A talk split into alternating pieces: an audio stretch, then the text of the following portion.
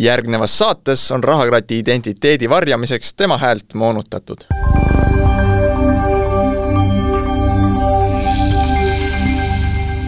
tere, head Delfi podcasti kuulajad! olete tark investor lainel. täna on meil stuudios mees, müüt, legend, tuvi, kes mitte ei läinud lõunamaale, vaid tuli Delfi stuudiosse sooja. tere, Rahakratt! tervist! Ma usun, et sa oled Eesti kõige tuntum tuvi, aga kes sind veel ei tea, palun räägi endast, kes sa oled, kust sa tuled ja kuhu sa oma tegemistega jõudnud oled? ohoh, see on äh, nii raske küsimus, kes ma olen? no sa ütlesid õigesti, müüt ja legend, see kõik on väga õige. ma olen äh, investor, ma ise ütlen, et ma olen selline tavaline magalarajooni jope, et äh, kõige lihtsam inimene, kellel pole ei äh, ei looduse poolt andeid ega, ega mingeid äh, eeliseid teiste ees, vaid lihtsalt sellise järjepidevusega näitan, kuidas on võimalik äh, raha teha ja teenida ja nii, et ise nagu eriti vaeva ei näe. kust ma tulen, no ma tulen äh, parklast, sest äh, ma sõitsin siia oma uhke Maibi autoga, mida ma ikka aeg-ajalt ütlen, et ma, et ma sõidan, sest tõesti, talvel tiivad ei kanna, on lund täis. Ja kus ma nüüd omadega olen, noh, siin Delfi stuudios, et ma ei tea, kas see on nüüd koht, mille üle tunda uhkust, et ma olen siia seitsme aastaga jõudnud või, või mitte, aga, aga tõesti, ma, ma ütleks kõikides asjades ma olen selline, selline keskmine, et mul ei ole vist anda endale, ma panen küll endale tiitleid, et ma olen oligarh ja poolmiljonär ja kinnisvaras ja ja metseen ja polüglott ja mis iganes, aga, aga noh, kes, kes seda ikka usub lõpuks. No seitse aastat tagasi, nagu sa mainisid, alustasid oma investori karjääriga, räägi, milline algus oli, milline oli su toonane palk töötajana, palju sa säästsid ja mis olid sinu esimesed suured võidud investeeringute osas oh,? algus oli, ma, ma tahaks öelda, et algus oli raske, aga tegelikult on täiesti vastupidi, algus on kõige lihtsam. ja seda sel põhjusel, et et kui sa enne kui sa alustad, siis sa pole teinud nagu mitte midagi. ja nüüd, kui sa hakkad tegema, siis sa näed tegelikult tulemusi väga ruttu, sest enne sa ei teinud mitte midagi. ja selles mõttes minu meelest on nagu müüt, et alustamine on raske, et äh, ei ole, alustamine on just kõige motiveerivam, sest kuidagi hästi ruttu hakkavad tulema tulemused ja sa näed, mis, mis juhtuda võib. Jah, ma alustasin, noh, see on vist seitse pool aastat tagasi juba. Äh,, mul oli palk, siis ma olingi tavaline palgatöötaja, tegin noh, täiesti mõttetut tööd, nii nagu noh, sina siin täna teed, on ju äh,, palk oli äh, tonn. Noh, ega sealt midagi erilist nagu sellega priisata ei olnud, et ma alguses hakkasingi vaatama, et äh, okei okay,, et kus, kus mu raha läheb, kuhu ta ei peaks minema, on ju. aga noh, võit tuleb ikkagi sellest, kui äh,, kui ma hakkasin vaatama, kust nagu raha juurde saada, et äh, et siis hakkasid need kõige suuremad muutused, aga aga noh, tõesti, ma ütlen, et ma ei, mul ei ole isegi, ma ei tee isegi erialast tööd, et mul oleks kuidagi võimalus äh, noh, keele, et, et mul mingid eelised oleks. ei ole tõesti andeid, noh, vaevu oskan nagu arvutada kümne piires, on ju, selline noh, ei ole eriti hea geneetilise pagasiga tegelane, et ähm, aga tõesti, al-, alustamine on, on jube lihtne. see on äh, noh, praegu me oleme, räägime siin jaanuari alguses, on ju, see on nagu, see on nagu trenniga, et need, kes nüüd siin kõik äh, trenni läksid jaanuari alguses, on ju, noh, mina trenni ei lähe jaanuari alguses, ma tean, et kõik need hullud alustajad on seal, ma lähen jälle veebruaris, siis kui noh, kõik normaalsed inimesed on tagasi, ja, samamoodi, et kui sa alustad nüüd jaanuaris trenniga, siis äh, sa näed nagu jube ruttu, kuidas tulemused tulevad, aga noh, kus, kus see murdumine toimub, on see järjepidevus, mis, millest nagu inimestel puudu jääb. aga noh, nüüd ma vastan hästi pikalt, on ju, et et ma veel selle ütleks ka ära, et et minu jaoks see järjepidevus ongi see, kus ma mõtlesin asjad endale lihtsaks, et kuna ma tean, et aeg läheb nagunii mööda, noh, nagunii läheb tänane päev ära ja läheb homne ja ülehomne, on ju, et tuleb järgmine jaanuar ja siis veel mingi jaanuar ja nii edasi, siis oleks ju lihtsam midagi teha, et järgmine jaanuar oleks parem kui see jaanuar. ja noh, hästi niisugused lihtsad nagu, lihtsad tõed, mille põhjal ma opereerin. Aga kas sa alguses vahetasid oma aega lihtsalt äh, kõrgema palganumbri vastu või sa alustasid ikkagi, ma ei tea, väärtpaberitest ja kinnisvarast või millest iganes? ei, ma alguses ikkagi vaatasin, kuidas tööga võimalikult palju raha teenida, et äh, tõesti, ma käisin, äh, ma küsisin noh, reaalselt iga nädal palgakõrgendust soovitan seda teha, sest noh, iga nädal on ülemusel ebamugavus lei öelda, on ju, et siis mõnikord ta lihtsalt murdub. Laseb lahti no laseb lahti jah, et äh, ülendab sind kliendiks, öeldakse, äh, nii on nagu kuidagi parem. ja noh, ütlesin ka, et hea küll, et kui palka ei tõsta, et teeme siis, las jääb sama palka, aga teeme näiteks kaks või kolm korda kuus. noh, ise olen ka niisugune ikkagi kompromissidele avatud, on ju et, et jah, enne kui ma mingeid nagu hakkasin investeeringuid tegema või, või rahapaigutusi või asju, et siis ma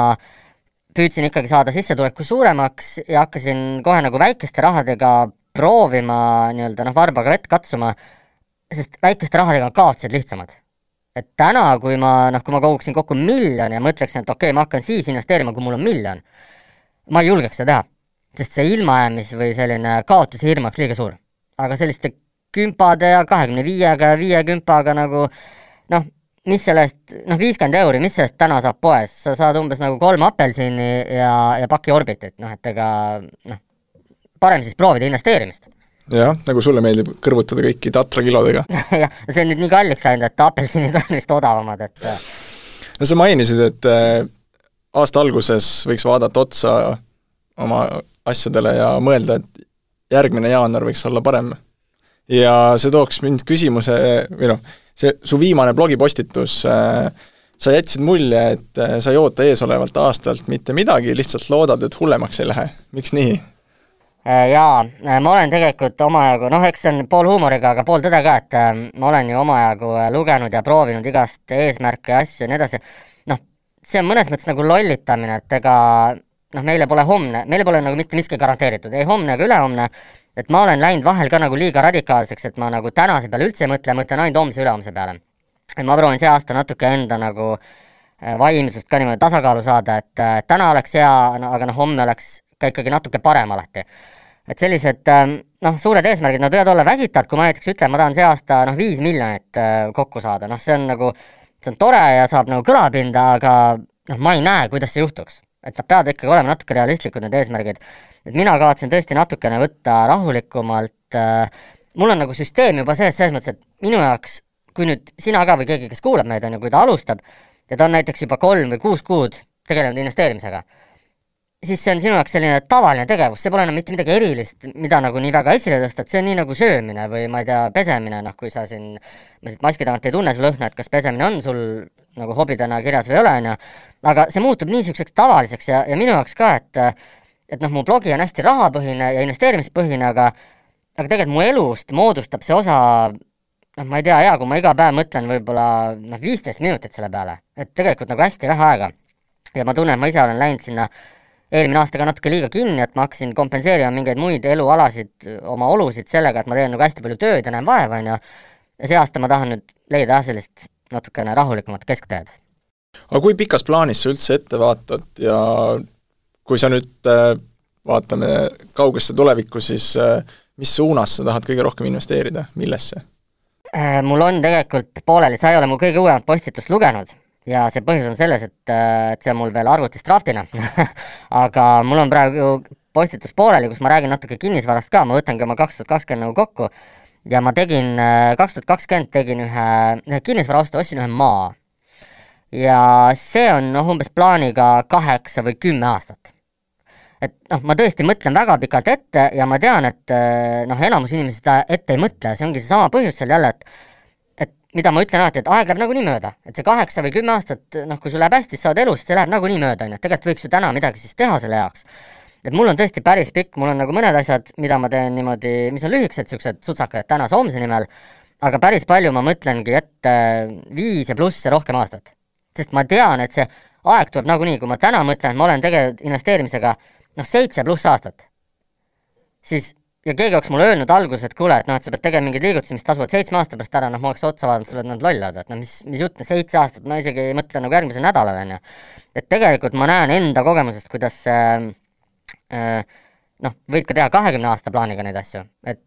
et tegelikult mina teen mõned asjad väga pikalt, tõesti. see maa, see oli noh, mul tõesti nii odav, et äh, ma ei tea, ma ei, ma ei oska võrrelda, ma ei näe su ehteid, et sul poleks midagi, noh, särk ei paista eriti kallis, on ju, et äh, noh, ütleme, et see maa maksis nagu kolm sinu särki, et noh, väga vähe tänases vääringus. aga ma tean, et noh, siis seitsme aasta pärast tundub see raha nagu eriti mõttetu, sest noh, seitse aastat on möödas, on ju. mis sa siis saad sedasama raha eest? minul see horisont on jah, nagu päris pikk, ma usun, ma usun enda pikaealisusse võib-olla liiga positiivselt. No kuhu Uugametsa sa lossid siis, et sa said kolme särgi raha eest endale tüki maad või kui suur see tükk maad on? või, või siis sul on nii kallis särk, on ju, et seda keegi ei tea, sest keegi ei näe. aga ei, ta on suur ja ta on jah, muidugi ta on natuke nagu metsa sees, aga noh, tead, ega Peetri oli ka kunagi metsa sees, et noh, kui natuke niimoodi mõelda, on ju, siis siis noh, tuleb nagu avardada oma seda horisonti. mul on, on ta jah, natuke kaugel, aga ta on päris suur, ta oli nagu väga odav. isegi kui sealt ei tule mitte midagi välja, siis no olgu, noh, sedasama raha eest, kui ma oleksin ostnud täna nagu kolm särki, on ju, et noh, mu see võit seitsme aasta pärast, noh, kolm särki oleks läbi kantud. noh, kuigi tegelikult ma ei tea, kui hästi kanda, võib-olla nagu kestaks, aga aga, aga see potentsiaal, et see maa mul seitsme aasta pärast on palju kallim, see on palju suurem. ja mulle meeldibki, noh, ma oskangi niimoodi mõelda, et et tihti kulutused, mis me täna teeme, et võib-olla tunduvad suured, noh, ma ei tea, ostsin korteri, ma maksin mingi sada tuhat, on ju, siis viie aasta pärast sa mõtled siia tagasi, et sada tuhat, noh jumal, kui mulle keegi annaks täna korteri sada tuhat, ma ostaks noh, kuus päkki neid nagu, et et, et tihti on ikkagi, me mõtleme niipidi, et äh, täna hindame neid hindu üle, aga tagasivaates see on alati olnud ikka kõik nagu väga odav. no kui me vaatame tagasi veel eelmisse aastasse, lisaks maaostule, mis olid niisugused äh, suuremad sündmused või üldse, kuidas sul läks kokkuvõtvalt? kokkuvõtvalt läks ähm, niimoodi, no niisugune paras kruusatee oli, võib võib öelda, et et ma seda kokkuvõtet natuke kirjutangi praegu ja ja ma kirjutan sellepärast, et küsitakse tihti kaotusi ja nendest räägitakse vähem, noh, öeldakse, et ma ei tea, kes siin teenis kinnisvara, kes aktsiatega. Äh,, mina rõhutan nagu kaotusi ka, et mul ongi seal, ma räägingi, kuidas ma USA turul, noh, ütlengi nii, et kui mina hakkan USA turust rääkima, siis teil on aeg sealt ära minna sest päriselt see on indikaator, et asjad noh, siis on nagu Kanye West presidendiks ja hakkavad mingid nagu noh, tuleb Independence Day ja ma ei tea, mis asjad nagu, et et siis juhtub nagu halvasti, et tõesti noh, mul on olnud, see aasta oli ka ikkagi noh, internetimüntidega tegelesin, noh, nagu üks normaalne inimene ikka peab tegelema, kaks tuhat kakskümmend kaks on ju, seal sain ikka niimoodi noh, munapiiksud kätte, et enam ei taha mm, Äh, noh, Funderbeamis on mul mingid asjad, mis on see idufirmade nagu börs siis on ju, mis on tore, ma olen rahul, et mul need asjad on, ma lihtsalt ei ole rahul, et nad on Funderbeami kaudu mul, et ähm, noh, oli, oli lööke, aga samas kui nüüd jälle seda õppekohta siit otsida, siis äh, need löögid olid need, kus ma jooksin kaasa mingisuguse noh, mõnes mõttes hullusega, et ma tahtsin ka, on ju, niisugune veits äh, FOMO. ja need plussid, need on mul ikkagi näiteks vana hea igav Tallinna börs kus ma kogu aeg regulaarselt vaikselt investeerin, vaikselt ostan. ja seal mul üks konto, ma tegingi täna screenshot'i blogi jaoks, oli sada viiskümmend kaks protsenti plussis. noh, kõige igavam asi, niimoodi vaikselt, tuleb kuu algus, jälle ostad natuke siit, natuke sealt midagi börsilt, on ju, ja ei, ja ei tõmble. las ta olla. väga ilusti kasvab, aga siis, kui noh, kui ma hakkan ise arvama, et ma olen nüüd see kõva spetsialist, noh, siis mul, ma juba tunnen, kuidas mul kontod, kontod nutavad, et ära palun logi sisse, ära hakka siin midagi laamendama, et noh, lase meil lihtsalt olla nagu, et ähm, et ma räägin kaotustest ka, neid, neid on, neid tuleb. no kõrvalpõikena Tallinna börsile, keda sa ostad iga kuu siis? ma julgen välja öelda, keda nagu mina ostan, mitte et see oleks soovitus, aga mul on praegu Coop, LHV ja Enefit. et täiesti niisugused suured, natuke igavad, kõik siiski tahavad kasvada, eriti pangad, on ju, kuna ma ühe nii-öelda näopoolega nutan, et ma maksan kõrget Euribori kõrget laenu, siis teise näopoolega ma rõõmustan, sest ma oman neid pankasid, kes selle pealt võidavad, et siis nagu ma tõstan lihtsalt enda ühest taskust raha enda teise taskusse. ja pangad on näljas, et nemad kasvavad ja kui nad ka üks päev ei kasva, siis ähm, noh, teades Rain Lõhmust ja tema elustiili, siis ma arvan, et ta tahab üks päev hakata dividende saama. ja siis tahan mina ka olla LHV omanik, et ka siis dividende saada, et äh, et mul on jah, nagu sellised ähm, strateegiad ja noh, Enefit, noh, come on, elekter ja energia, on ju, et, et vaata, sul ka siin kõik tuled põlevad, juhtmed huugavad, ähm, selge see, et me tarbime kogu aeg. et need on niisugused kolm sellist ähm, noh, lihtsalt talupoja mõistusega lähenen ja mõtlen, kas, kas tasuks. no sinu netoväät-, väärtus oli detsembrikuu seisuga pea viissada kolmkümmend tuhat eurot, äh, räägi meie kuulajatele, mis su varade hulka kuulub ja millest portfell üleüldiselt koosneb oh jaa, äh, see on jah, see kõigub seal niimoodi, flirdib niisuguse poole miljoni piiriga, et õnneks ma sealt nüüd läbi ei ole kukkunud aga, aga üles-alla käib küll kõvasti, et et noh, ma isegi jälle reaalselt täna, kui ma kirjutasin seda postitust hommikul, siis ma mõtlesin, et ma saaks teha isegi peaaegu nagu tähestikulises järjekorras kõik oma varad ette lugeda, et A nagu aktsiad, B nagu Bitcoin, C nagu Crowd Estate, D nagu Tallink, E nagu Estate Guru, F nagu Funderbeam, nii edasi, on ju, et sealt Äh, tõesti, mul on, mul on aktsiad, mul on fondid, mul on võlakirjad, mul on kinnisvara, mul on laenud, mul on krüpto, mul on kuld, mul on mündid, noh, ma ei tea, mis nõudeid veel saaks nagu olemas olla, et ähm, et mu pilt on hästi kirju. ja miks äh,, miks see minu pilt kirju on see, et et ma tahan nendest asjadest osata rääkida ja teile kirjutada, on ju, nendest äh, ma tahan seda kõike osata, alustav investor või, või niisugune tavaline investor üldse ei pea olema nii kirju. Jumala piisab, kui sa tegeled oma ühe asjaga, mis sulle sobib, mis sulle istub, on ju, et et lihtsalt alguses võib-olla proovida erinevaid asju, see on, see ongi võib-olla natuke nagu nagu voodirõõmudega, et kui sa sellega alustad, siis sa proovid noh, igast, no ma näen, sa juba punastad, on ju, sa oled ka siin hiljuti võib-olla algust teinud, et sa proovid kõik nagu lollused järgi ja siis ajapikku sul jäävad mingid niisugused enda nagu noh, mis sulle sobib ja mis sulle meeldib, et et selle investeerimisega täpselt samamoodi, sa alguses nagu võib-olla lähed hulluks ja tõmbled igatpidi ja siis üks hetk avastad, et okei okay,, mulle sobivad nagu rohkem need asjad, et et minul on see portfell kirju sellepärast, et proovida siis tunda kogu seda maailma, milles ma, millest ma kirjutan. aga, aga jah, kõige suurem osa võtab sealt kinnisvarast, see on lihtsalt hästi kallis. et see on, see on see tõdemus. palju sul on äh, sellist vara, millega sa nagu julged riskida seal portfellis? niimoodi, et riskida ma ei, noh, ma ei tahaks üldse riskida, sest ma, ma nagu ei tahaks kaotada, on ju. samas, kui ma täna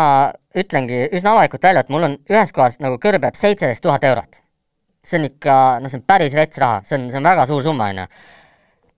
seitseteist tuhat kõlab nagu väga suurelt ja samas, kui ma mõtlen, et, et mis protsent või osakaal see minu nagu väärtusest on, siis ta on nagu üsna väike. et mul selline noh, kui ma kuhugi lähen, ütleme kümne tuhande euroga, et see võib-olla noh, kõlab suurustavalt kuidagi, et no mis see kümme tuhat, et noh, võtke, et las ta läheb, vaata, mis juhtub, on ju. aga, aga noh, tegelikult mul ei ole mõtet ka täna enam teha investeeringut, mis on nagu umbes kakssada eurot. sest kui ma võidan sealt noh, kakssada nelikümmend, siis see on lihtsalt nii väike, et see, see ei muuda nagu mul mitte midagi, et ma pean juba natuke suuremate summadega nii-öelda osalema. ja mul läks täiesti meelest ära, mis sa küsisid praegu, et et mis see palju on see nagu see summa, no sa mainisid, kümme tuhat on niisugune summa, millega sa võiksid nii-öelda teha riskantsemaid tehinguid? jah, õige jah, jah, et sellised noh, kui ma ka näen, et need näiteks kaks või kolm riskantsemat tehingut on mul nüüd kõrbema läinud, siis ma jälle tükk aega muidugi ei julge seda teha, et siis ma püüan kosuda mingites muudes kohtades ja võib-olla seda kaotust nagu siis äh, niimoodi tagasi lihvida. aga jah, selline ütleme, et noh, mõned tuhanded ja kui ma ka tean näiteks ütleme startup'ide puhul, et noh, mõnda ei saagi alla kümne tuhande, on ju, siis see potentsiaalne võit ka seal, sinna polegi mõtet panna viissada eurot, sest noh, kui sa teed sellest noh, korda kaks, siis see on nagu tuhat, mis jah, on nagu väga tore, aga noh, mina enda portfelli juures pean mõtlema, et ikkagi mul on vaja teha nagu noh, kümnest tuhandest kakskümmend tuhat. et sellepärast on äh, mul, mul võib-olla need numbrid natuke teistsugused. no sa nimetad äh, passiivset tulu higivaba rahaks, eks ole, on ju, ja sinu keskmine läbi aja siis algusest peale, nagu ma aru sain, on kaks tuhat kakssada euri kuus e kuidas äh, see on ajas nagu muutunud, kas ta on nagu sul iga-aastaselt kerkinud ja mis on sinu ootus eesolevale aastale, kui suureks see võiks kerkida? Äh, jaa, see on tõesti, ma teen, ma püüan teha niisuguseid hästi lihtsaid arvutusi ja näiteid, et iga inimene saaks aru nagu noh, mis raha on võimalik teenida, sest kui ma ütlen, ma olen teeninud siin ma ei tea, sada kaheksakümmend tuhat mingi seitsme aastaga, siis sellest on väga raske aru saada. aga kui ma ütlen, et iga kuu näiteks kaks tuhat kakssada, siis seda on palju lihtsam nagu omistada kuidagi või tähendab, omastada, aga noh, alguses väga raske, sest esimene aasta, kui ma hakkasin tegutsema, ma teenisin terve aasta peale üksteist eurot. see on isegi, kui sa jagad kaheteist kuu peale, see pole isegi nagu tervet eurot kuus mitte, on ju. et jube raske on võib-olla hoida ennast motiveerituna, et noh, et tuli üksteist eurot, isegi ei saanud eurot kuus, aga tõesti, see kasvab ajaga, sest äh, noh, see üksteist eurot läheb ju ka töötama ja noh, tooma mulle nagu uut raha kogu aeg, on ju, seda, sedasama higivaba raha. ja noh, ajas, ajas see on kasvanud loomulikult, et täna ka ma loodan äh, näiteks jaanuar ja siit edasi, noh, ma mingid niisugused projektsioonid või asjad teen nagu uue aasta peale, et, et mis võiks olla, mul on mingid koostööd, kust ma tean, et tuleb, on ju, mul on mingid esinemised, mul on mingid äh, noh, meeskonnaüritused, mida ma vahel teen, on ju, äh, et ma enam-vähem tean, mis mu nagu need sissetulekud on, noh, ma ei tahaks, et mul langeks nüüd see nii-öelda higivaba raha, et ma ikkagi tahaksin iga kuu noh, kolme tuhandet küll ületada. et see kõlab niimoodi ambitsioonikalt, see ei ole mulle nagu võib, noh, see ei ole võimatu, aga see pole ka liiga lihtne. et täna ma ei oska öelda, kust see kõik tuleb, aga noh, tulebki selle nimel tööd teha, et, et täna reaalselt jälle hommikul, kui ma blogi kirjutasin, siis ka samal ajal allkirjastasin ühte laenulepingut, kus läks jälle viis tuhat eurot ühte kohta tööle, mis toob mulle iga kuu noh, umbes kolmkümmend kolm eurot. noh, see ei, see võib-olla tundub nagu imelik, et noh, miks ma peaks viis tonni ära andma, et saada ainult kolmkümmend kolm euri iga kuu, on ju. Aga tead, kui sa niimoodi annad veel paari kohta ja, ja, ja see raha nagu, noh, siis ta kogunebki, sul ongi lõpuks nagu paarisajane nii-öelda palgatõus iga kuu. et minu jaoks on see täiesti noh, võib-olla ma olengi nii lihtne vend, et mind on hästi lihtne nagu äh, noh, amaze ida või kuidas ma ütlen, et hästi lihtne ma ei tea, motiveerida võib-olla. tõesti, mulle see täna, see kolmkümmend kolm eurot iga kuu, mul on see väga suur asi. et ma ei mõtle nii, et kui ma nüüd ei teeni kuus igivabana nagu tuhat, on ju, et siis on mõttetu, ei ole. kolmkümmend kolm tuleb, ma olen super õnnelik selle üle no sinu kolmkümmend kuus tuhat oleks siis aastane nii-öelda igivaba toot-, eh, tulu ja see teeks siis umbes kuus koma seitse protsenti sinu netoväärtusest, mis tegelikult ei ole üldse palju. ei, ei olegi palju jaa, aga ma loodangi seda ka mõndade asjadega üle teha, et näiteks mul on äh, samamoodi, mõned aastad tagasi ostsin ka ühe maa äh,, mis on siin niimoodi vaikselt, mida ma noh, teen paremaks ja niisuguseks paketiks, on ju, et kui näiteks selle müük tuleb see aasta, noh siis ma löön nagu oma tabelit hästi ribadeks, aga samas ma ei tea, kas tuleb või ei tule, et ma ei, ma ei, ma nagu ei arvesta sellega. et tore on, kui tuleb, aga kui ei tule, siis ma ka ei ole noh, nurgas nutmas, et, et tuli, teenisin aastas mitte tööd tehes ainult kolmkümmend kuus tuhat eurot, nagu noh, ei ole paha tulemus. no see on ilmselge, et äh, investeerida on vaja säästa, eks ole. aga ma vaatan, et su säästumäär äh, kõigub nagu kohati väga räigelt, et siin mõni kuu oli alla kümne protsendi, järgmine kuu oli üle üheksakümne protsendi, eks ole, et äh, mis neid mõjutab ja kui suur peab olema su sissetulek, et sa saad üheksakümmend protsenti säästa? see üheksakümmend oligi siis, kui ma tegin ühe kinnisvaraflipi ja teenisin sellega, ma isegi ei mäleta palju, kas mingi seitsekümmend tuhat või noh, mingi noh, kosmaarse summa tõesti, et et noh, väga lihtne on siis üheksakümmend viis protsenti sellest säästa, kui su sissetulek on miljon nagu et äh, ja mõnikord on jah, kümme protsenti, sest sest ma teen ka kulusid, et näiteks kui ma noh, mingeid kinnisvarakulusid teen, et ostangi tühja korteri ja näiteks mööbli sisse, siis see läheb kõik kulud alla. et ma ei võta neid kulusid niimoodi, et ma nüüd ise kuidagi endale lubasin noh, ma ei tea, mingeid ekstra kunstküüsi ja, ja kuldset iPadi ja noh, mida iganes kõik eestlastel nagu vaja on, on ju, vaid need ongi kõik kulud, mis ma olengi teinud, et ostsin kuhugi diivani, siis selge, see läheb nagu kulude alla kirja. et mul on nagu üks selline noh, nagu pott, et kui ma võtaksin need kulud, mis mul on nagu vaja ellujäämiseks, noh, ongi põhimõtteliselt nagu Tatar ja elekter, on ju, et siis mu kulud oleks väga madalad. aga ikkagi, ja noh, samas ega tead, ongi, ma vaatan nagu aasta peale ka, et, et mul oleks nagu okei okay see keskmine, kui mul mõni kuu on väga hästi läinud, noh, ma ikkagi luban endale vahel noh, väljas söömist näiteks ja noh, mitte nii, et ma teen nagu toas võileivad ja lähen nagu õue sööma neid, vaid vaid ma lähen päris restorani, on ju, või noh, vahel ma ikkagi teen nagu endale pai. kuigi ma ütlen, et see on mu kõige niisugune nõrgem külg on iseendale nagu seda pai teha, et, et seda ma ka kaks tuhat kakskümmend kolm, kaks tuhat kakskümmend kolm jah, treenin ja luban nagu paremini teha, et et see kõigub, aga see ongi, see kõigub nii, nagu mu vaimne tervis, see kõigub nii, nagu äh, ilm Eestis äh, ja see on täiesti okei. Okay.. kui sinul see kõigub ja teistel kõigub, üks kuu oled tublim, teine kuu vähem tubli, üks kuu sööd rohkem pitsat, teed vähem trenni, teine kuu vastupidi, see on inimpsühholoogia see on normaalne, et ärge nagu piitsutage ennast sellest, kui sa olid ühe kuu tubli ja nüüd järgmine kuu natuke rohkem näiteks kulutasid. noh, mis siis ikka, see võib-olla annab nagu hoogu jälle ülejärgmine kuu noh, uuesti tubli olla, et et minul kunagi, kui ma tegelesin joomisega, siis äh, mulle mõnes mõttes pohmell meeldis. sest see andis, ma olin nagu nii tige enda peale, et see andis mul pärast nagu kaheks kuuks sellise tegutsemisinnu ja võimekuse, sest noh, see pohmelli hommik seal voodi sera peal lubadusi anda ja noh, siis ju muutuvad kõik usklikeks ja nii edasi, on ju, et et noh, et sul on vaja vahel seda pohmelli, sul on vahel vaja nagu kukkuda ja kulutada, sul on vahel vaja nagu süüa neli pitsat ja kilo jäätist, noh, kuigi sa muidu teed, võib-olla oled nagu tervislik, on ju, et neid asju on vaja. siis sa oskad ka hinnata seda head, kui sa oled vahepeal saanud nagu tappa. no sa ütlesid, sa er-, iseendale on nii-öelda raske pai teha, aga millised on su jooksvad igakuised kulud äh, nii-öelda inimesena? inimesena see on hea, hea täiend äh,. tavalised, üür, toit äh,, noh praegu kütus, sest ma kasutan autot, trenn mm,, mul on koduvõlg, laenumakse, ise ma selles kodus ei ela, ma üürin seda välja loomulikult nagu iga normaalne niisugune sendininja, on ju, aga ega mul sellist noh, mingit noh, ma ei tea, ei ole rohkem mingeid eriti eksklusiivseid hobisid ja alimente, et, ähm, et hästi tavaliselt, nii nagu kõigil teistel, et söön ja, söön ja kasutan ühte lambipirni, et on elekter ja ega, ega nagu noh, muud midagi ei olegi. siia oleks hea küsida otsa nagu tulnuks, et sa elad autos siis, jah? jah, kui vaid saaks, äh, tõesti, no ma arvutasin välja küll, et, et auto võtab mul umbes äh, no kurat, nüüd ma ei mäletagi, mis see, null koma seitse liitrit tunnis kütust, on ju, et võib-olla tõesti tasuks autos nagu elada, aga, aga noh, mingid muud, ma, ma ei ole lahendanud seda WC küsimust ja nii edasi, et, ähm, et see on, see on natuke, muidugi noh, kui mul oleks iga päev käia sii-, noh, külas, nii nagu mul täna siin on, ma saan ju vetsus käia siin ära, on ju, et ja laadida telefoni täis, aga aga muus osas jah, et äh, et noh, ma ei, mul on ikkagi päris okei okay kodu ja noh, mingi täitsa okei okay mööbel, mis on mu enda oma ja nii edasi, et ähm, et noh, need kulud on sellised tavalised iga, iga inimese kulud, et midagi erilist seal ei ole. aga palju need kasvanud on sul tänu sellele, et sul on nii-öelda raha rohkem tekkinud? jaa, see on väga libede, nii kui hakkab tekkima, see ongi selline kohe nagu elustiili inflatsioon on niisugune mõiste ka olemas, et, et jube, noh, jube kerge on hakata endale kohe lubama, et näe, ma sain, ma ei tea, preemiat, ma olen selle ära teeninud, nüüd ma võin selle minna ära kulutada. no see on niisugune väga lühike pidu, et äh, pigem pane see preemia just tööle või, või palgatõus, pane mõneks ajaks tööle ja ela ikka edasi, nii nagu sa elasid enne, on ju, noh, ma ei tea, näiteks aasta aega, et äh, sa ju tegelikult saaksid hakkama.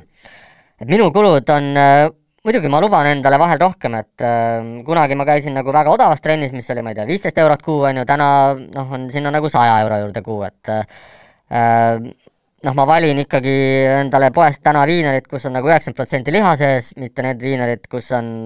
noh, ma ei taha öelda, ilmselt minu mingi suguvendade suled ja, ja varbad, on ju, et et on, on muutunud ja sellega kaasneb kulud, aga see on, see on okei. Okay.. ja see peakski nii olema, sest et noh, kui sa rohkem nagu teenid või tublim oled, siis seda rohkem sa peadki seda saama nautida ja endale lubada, sest selle nimel ju peakski pingutus toimuma no vot, väga hea, et sa mainid, et me kõik näeme selle nimel vaeva, et saaks rohkem raha ja oleks rohkem vaba aega, noh, sinu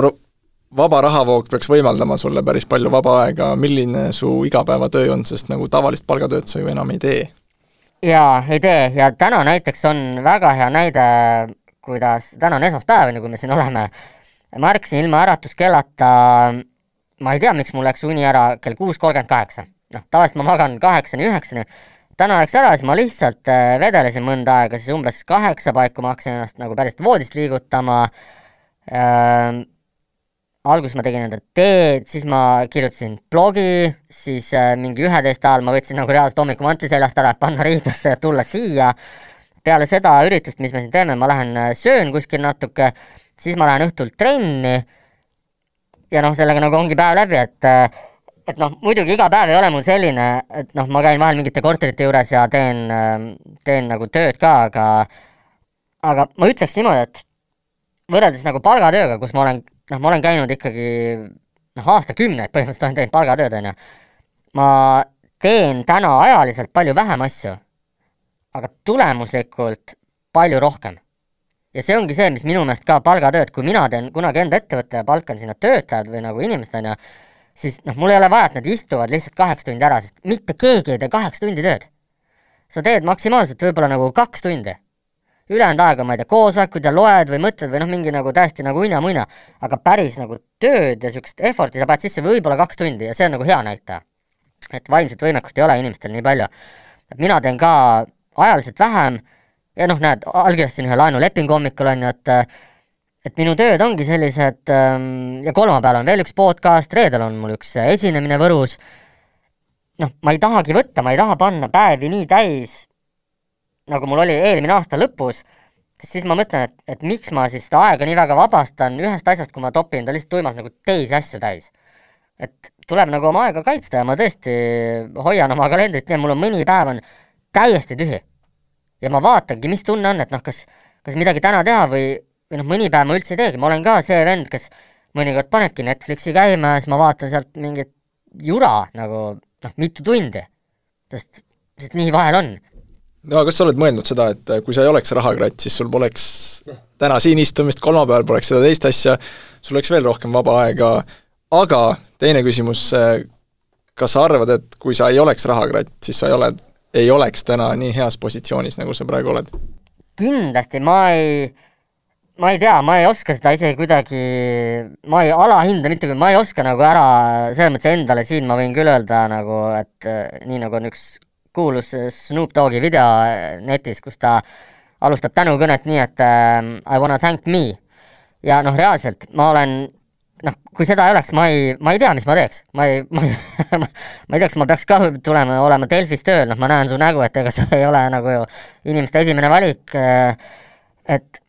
aga noh, võib-olla siia taha ka ei nähta, et noh, nüüd sa näed mingi seitsme aasta pealt, et, et mu elu paistab päris mõnus, on ju. ma olen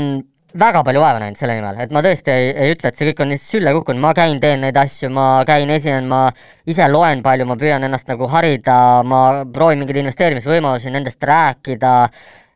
ütlen, kus ma nagu kaotan, noh, mille eest nagu hoiduge ja nii edasi, on ju, et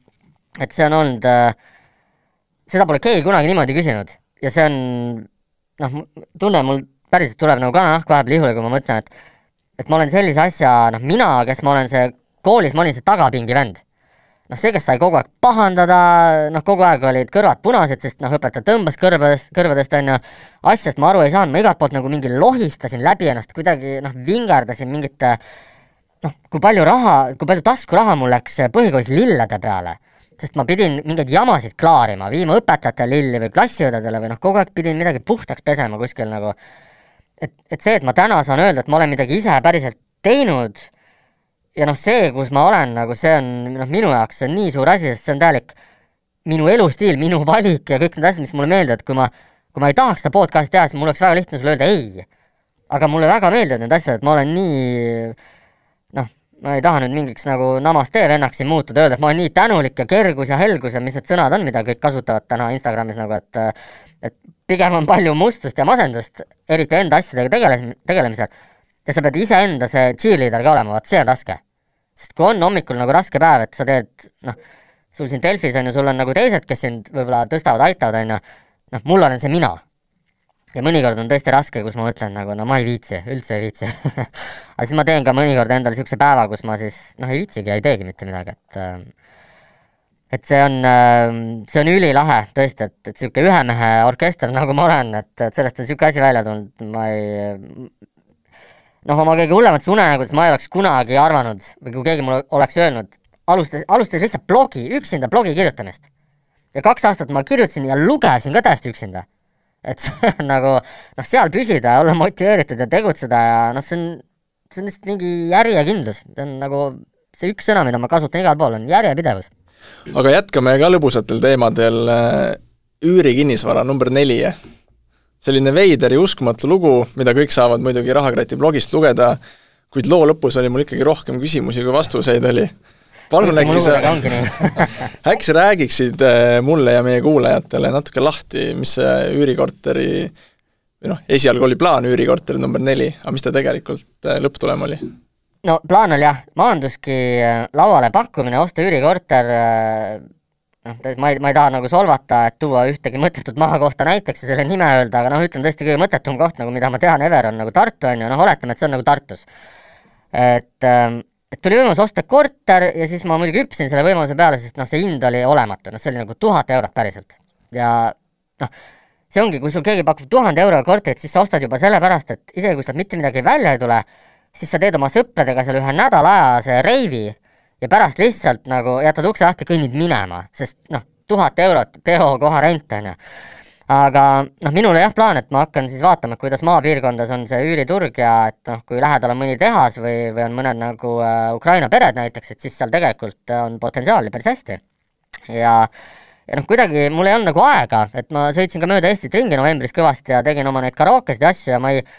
ei jõudnudki selleni, et et kuidagi nagu seda korterit vaatama minna. et ma ostsin ta lihtsalt noh, nagu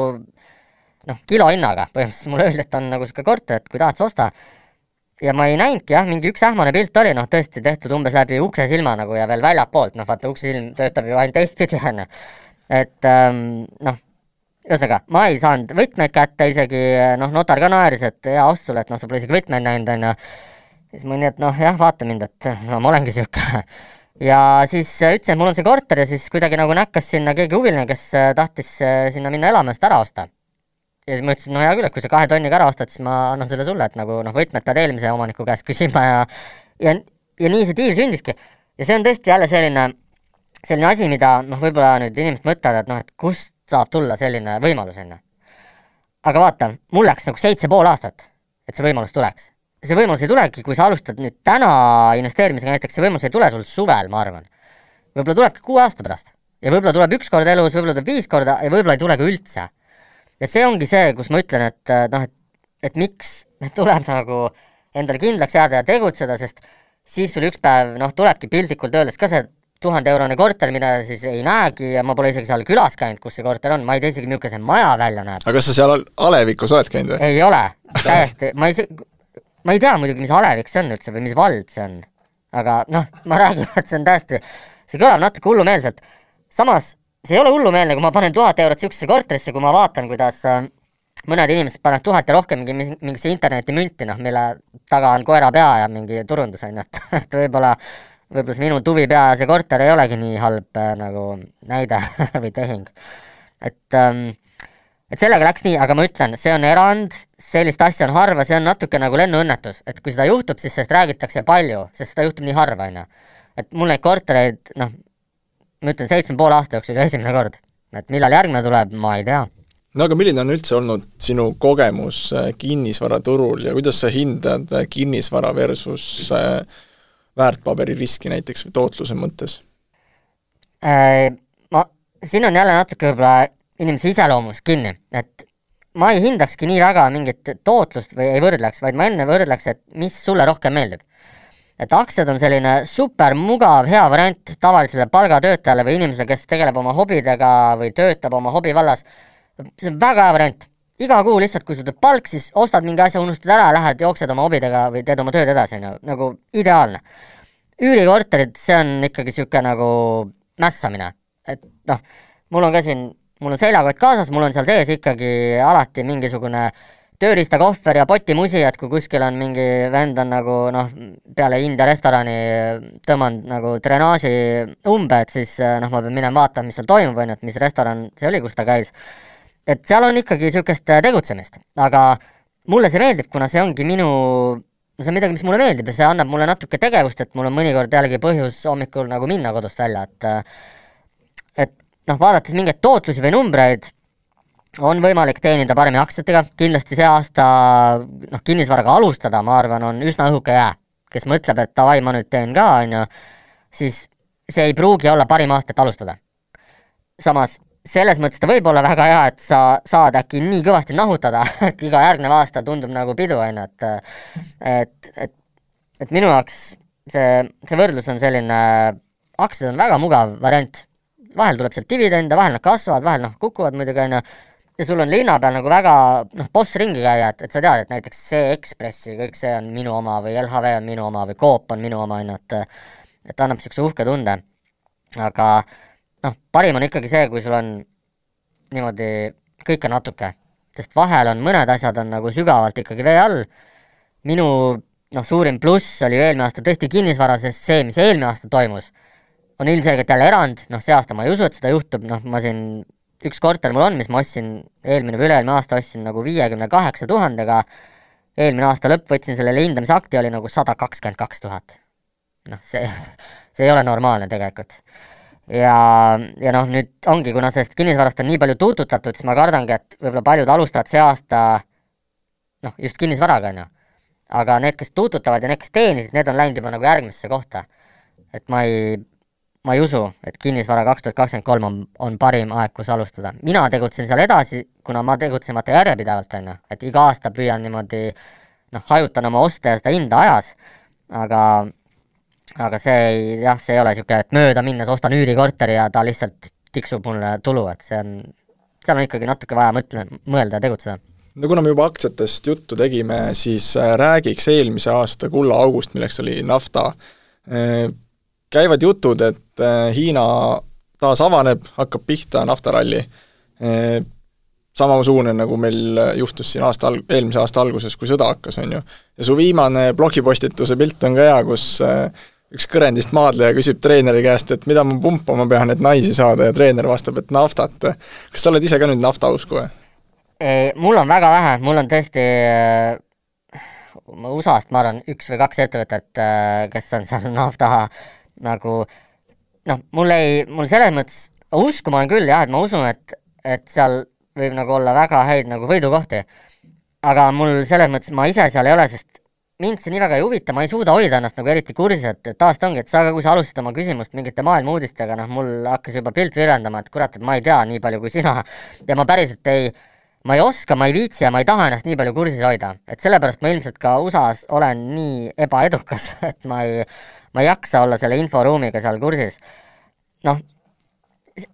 aga, aga üks asi, mis ma näiteks ütleksin, et sa tõid hea võrdluse, et kui oli nagu Covid on ju, et algas nagu kriis ja pandeemia ja nii edasi, et äh, need inimesed või investorid, kes ütlesid Covid ja äh, nagu noh, kui pärast Covidit algas see kõva tõus turgudel ja nii edasi, on ju, ütles, et noh, kurat, oleks võinud ka ikka noh, Covidi ajal, kui oli see langus, oleks pidanud ikka proovima ja rohkem võtma ja ostma ja nii edasi, on ju, siis palun, teile tegelikult tänane olukord, see on samasugune. on nagu päris korralik kriis ja hindade langus ja punane ja edasi, et teil on see võimalus. aga sa ikkagi selles hetkes sees, kui sa oled, siis on seal päris vastik olla ja just tagantjärgi on muidugi lihtne öelda, et oleks pidanud, on ju, ja oleks ja blablabla, on ju, et noh, siin jääbki ikkagi natuke nende noh, munade taha ja, ja niisuguse ma tean inimesi, kes ei ole alustanud investeerimisega, sest ma olen nendega rääkinud ja nad ütlevad, et kui on noh, kui on kriis, siis on kehvasti, sest kes investeerib, kui on kriis, on ju, sest siis on ju noh, oht kaotada. ja kui on turg üleval, siis nad ka ei tee seda, sest siis on ju kõik kallis. siis nagu, no millal, millal siis, et millal siis tegutseda tuleb? et minu loogika on see, et tuleb olla kogu aeg turul, sest ma tean ju päriselt, nagu ma olen vaadanud äh, statistikat, kus kogu aeg turul olemine võidab selle, noh, kui sa turu nagu umbes neli päeva, need tõusupäevad oled eemal olnud. et, et see kogu turul oldud aeg ja kaotused sisse saades on kasulikum kui see, et sa oled need mõned tõusupäevad nagu kõrvale jäänud. noh, siin, ega siin rohkem nagu midagi ei oskagi drop the mic, nagu öeldakse. No aga mida sa arvad võlakirjadest, näiteks kahekümnendal detsembril oli Nigeeria kümneaastased võlakirjad intressitootlusega neliteist protsenti, Itaalia omasid sa saad täna osta üle ne-, või noh, osta, nad pakuvad üle nelja protsendi ja USA pakub natuke üle kolme protsendi, et mis on sinu arvamus nendest võlakirjadest? Ma ei, ausalt ma ei tea, mul ei ole ühtegi riigivõlakirja, ma ei tea, kust neid ostetakse või kust neid saab või kelle juurde tuleb pöörduda või kuhu helistada, et neid osta. ma ei, noh, ma, ma olen nagu mingist teooriast aru saanud, et riiklikud võlakirjad võiks olla niisugune safe in bet, on ju, kui, kui mingid muud kohad, aga ausalt, kui ma, kui ma praegu seda vastust siin pikendan, siis ma lihtsalt mõtlen koha peal välja mingit suvalist jura ma ei, ma ei tea. mul on võlakirju, mul on ettevõtete võlakirju Need mulle väga sobivad, ähm, mulle eriti sobib see intress, mis tuleb kvartalis või korra kuus, on ju, et äh, noh, ja ma vaatan, mis ettevõtted need on, aga, aga riikide koha pealt mul on nagu täiesti null, ma ei, ma ei tea, kas täna tuleks osta nagu Venemaa võlakirju või Ukraina omasid, ma isegi noh, isegi seda ei tea no aga tekitame hüpoteetilise olukorra, sa mainisid, et äh, kriisi ajal on hea osta, aga keegi ei julge osta. kui sina alas homme ärkaksid ja sul ei oleks äh, seda viitesadat tuhandet, mis sul täna on, äh, kas sina julgeksid alustada? alustada kindlasti, päriselt, ja ma ei, kui ma alustasin, noh, ma mõtlen, mis aasta see oli siis, kaks tuhat viisteist või? just. ma, ja ma täna isegi ei mäleta, mis olukord oli. ma lihtsalt läksin tegutsema, sest ma teadsin, et ma tahan hakata tegelema investeerimisega, ma ei mõelnud mingit, ma ei tea, makropilti või mida iganes selle kohta öeldakse, et noh, et mis, mis parajasti maailmas toimub, noh, kui, kui sa tahad millegagi alustada, siis no ikka täna, sest see pidev edasilükkamine, et alustan siis, kui nagu noh, midagi muutub, selles mõttes ju ei ole vahet, alguses on nagunii tõenäosus, et sa teed valed otsused. aga mis su esimene samm oleks? täna? jah. ma julgeks vaikselt osta Tallinna börsilt aktsiaid.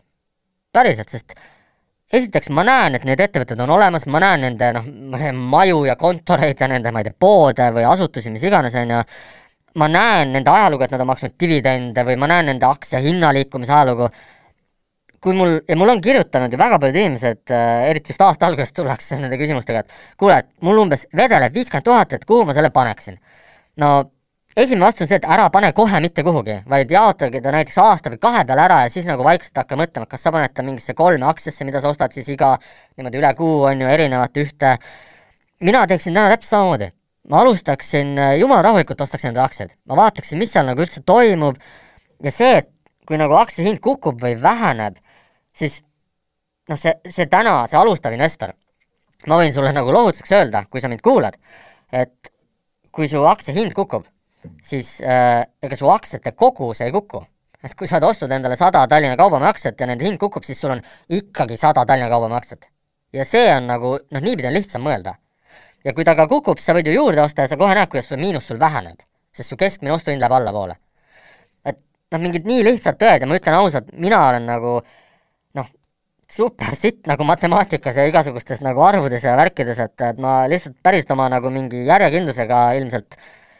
noh, teen üle mõnedki, kes on võib-olla laisad, aga matemaatikas paremad. et mina, mina alustaksin täna, mitte mingit vahet ei ole, sest see, kas homme lõpeb kriis või on veel sügavam või, või mis on järgmine aasta, noh, tegelikult ei tea. ja see, kas sa ise üldse järgmine aasta olemas oled, on ju, et no noh, lihtsalt ei oska öelda no muidugi alustad täna, miks oodata, või kui on hea variant, jah, võib-olla kui sa oled juba oma uute, uue aasta eesmärkidega failinud, siis noh, kaks tuhat kakskümmend neli või võib ka nagu, et esimene jaanuar alustada, et no vot, sa jõudsid ette minu järgmisele küsimusele, et äh, inimesed, kes kolmekümne esimese öösel vastu esimest jaanuari soovit- või lubasid kõigile, et ma teen oma rahaasjad korda, hakkan investeerima ja saan sama edukaks kui rahakratt, siis mis oleks need põhitõed või mis näpunäited sa annaksid, mis peavad kindlasti paigas olema, enne kui sa üldse mingeid niisuguseid suuri mõtteid mõtlema hakkad? number üks asi, alati, mis ma ütlen, ma ei pea seda vastust isegi otsima, on see, et miks sa hakkad, miks sa alustad? See miks, noh, see, see kõlab jälle natuke sihuke kurulikult, on ju, et noh, et mine istu kuskil ja mõtle, miks nagu, et start with why ja nii edasi. aga see on, see on jumala üks ja ainus asi, sest vahet ei ole nagu, kuhu sa lõpuks investeerid või kui palju. kui sa ei tea, miks sa seda teed, siis see ei jää püsima. ja noh, väga lihtne, ma täna ka natuke ikkagi rullisin Instagrami ka hommikul, et noh, ja ma ei ole nüüd nii sihuke vend ka, kes hommikuti ainult kätekõverdusi teeb ja mingi tänulikkust päevikut täidab, on ju, et mul on ikkagi vead. Ja Instagramis mul on üks äh,, üks tuttav, sõber, eeskuju, mis iganes tore vend, keda ma jälgin, ja oligi pannud niisuguse postituse, et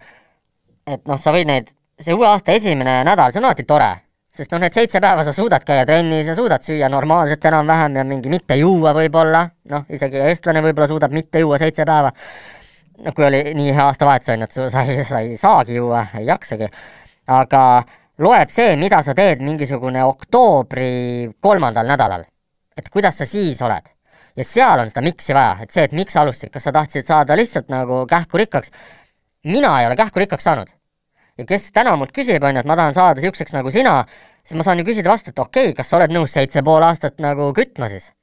kui oled, siis sa saad niisuguseks nagu mina, ilmselt paremakski, sest noh, minu vaimne võimekus on tõesti päris madal nagu, aga, aga seesama asi jah, et et noh, mina teadsin, miks, mulle e, mul ei ole eriti püsivust ähm, ühe töökoha peal olla. ja mul ei ole olnud kunagi kirge, nii, noh, nii suurt kirge ühegi asja vastu, mida ma väga tahaks teha. ehk siis ma olen pidanud tõesti kogu aeg nagu tegelema mingisuguse noh, mingisuguste veidrustega töö mõttes, et raha teenida ja, ja mulle see tunne nagu ei meeldi ja mulle tõesti meeldib teha asju enda järgi ma olen rohkem öökull, mulle, ma olen õhtuti produktiivsem, mulle meeldib trennis ka õhtuti käia, et, et õhtud on nagu minu ajad tegelikult. ja, ja minu see miks ongi, et mulle meeldib reisida mulle meeldib see, see ajaline vabadus, see on vist nagu kõige selline noh, võib-olla küll natuke õõnes, aga noh, kui ma oma tänast päeva kirjeldasin, siis see ongi minu niisugune ideaalne päev, et mul on seal mingi üks või kaks ülesannet, mida ma teen siis väga hästi. et ma olen siin täna sinuga, ma ei tea, tund või palju me teeme, et ma olen siin päriselt siis seal tunni kohal, mitte lihtsalt ei, kuidagi ei lohista ära seda umbes, et noh, et noh, poogen, saame tehtud kuidagi, on ju, siis lähen minema ja rohkem nagu üle õla ei vaata. see miks, see on see sinu vastus ikkagi, et number üks asi, miks hakkad tegema ja sellel miks'il ei ole õiget vastust. ei ole nii, et su miks peab olema see, et sa tahad aidata mingeid orbusid, kolmikuid, kes su külas elavad või noh, mingi, et jube aateline ja nii edasi. sinu miks võib olla, ma ei, no ma ei tea, autode tuunimine või, või mingi issand jumal, noh, udukate kogu, kogumine või äh, tahad teha täiskasvanute videosid Jaapani turule või noh, mis iganes see sinu miks on, see on õige. lihtsalt ole aus ja noh, püüa ta enda seest kinni. siis edasi on väga lihtne, sest edasi lihtsalt tegutsemine. et jälle sama, noh, need trenni näited ma vahel toon, on ju, et miks mulle meeldib trenni teha, mul on üliäge trenn ja mul on pärast seda hea olla. ma ei, ma ei mõõda pärast oma mingit reie jämedust nagu, et noh, et nüüd, kui ma see nädal reis ei kasvanud nagu kolmkümmend sentimeetrit, on ju, et siis on järelikult mõttetu, et et noh, siis ma ei viitsigi trenni teha, sest mu see miks on vales kohas. arusaadav, arusaadav. aga ma ei saa sind enda stuudiost ära lasta, kui sa ütled mulle, et äh, mis on sinu selle uusaasta lubadus, kas sa andsid ühe? jah, sellist, mul see, sellist mõõdetavat, ma, ma olen nagu raha mõttes tahtsin ka ühe anda, sest ma ise ütlen ka alati, et pange endale üks nagu raha või finantslubadus, tehke endale uusaastani. mina ei ole veel jõudnud seda välja öelda, ma tahaksin jõuda millini see aasta. mul on mõned mõtted, kuidas sinna, kuidas sellele lähemale jõuda, aga mul pole aimugi, kuidas sinna päriselt praegu kohale jõuda. aga võibki olla eesmärk suur. muudest lubadustest jah, mul on mingid mõned niisugused pehmed tõesti, et ma natuke võib-olla enda eest niimoodi vastutan rohkem. Et ähm, noh, mul on ka teile ja kõikidele midagi anda siis rohkem, kui ma ise olen heas kohas ja vaata, ma iseenda eest niimoodi võib-olla natuke rohkem hoolitsen ja nii edasi, et et aga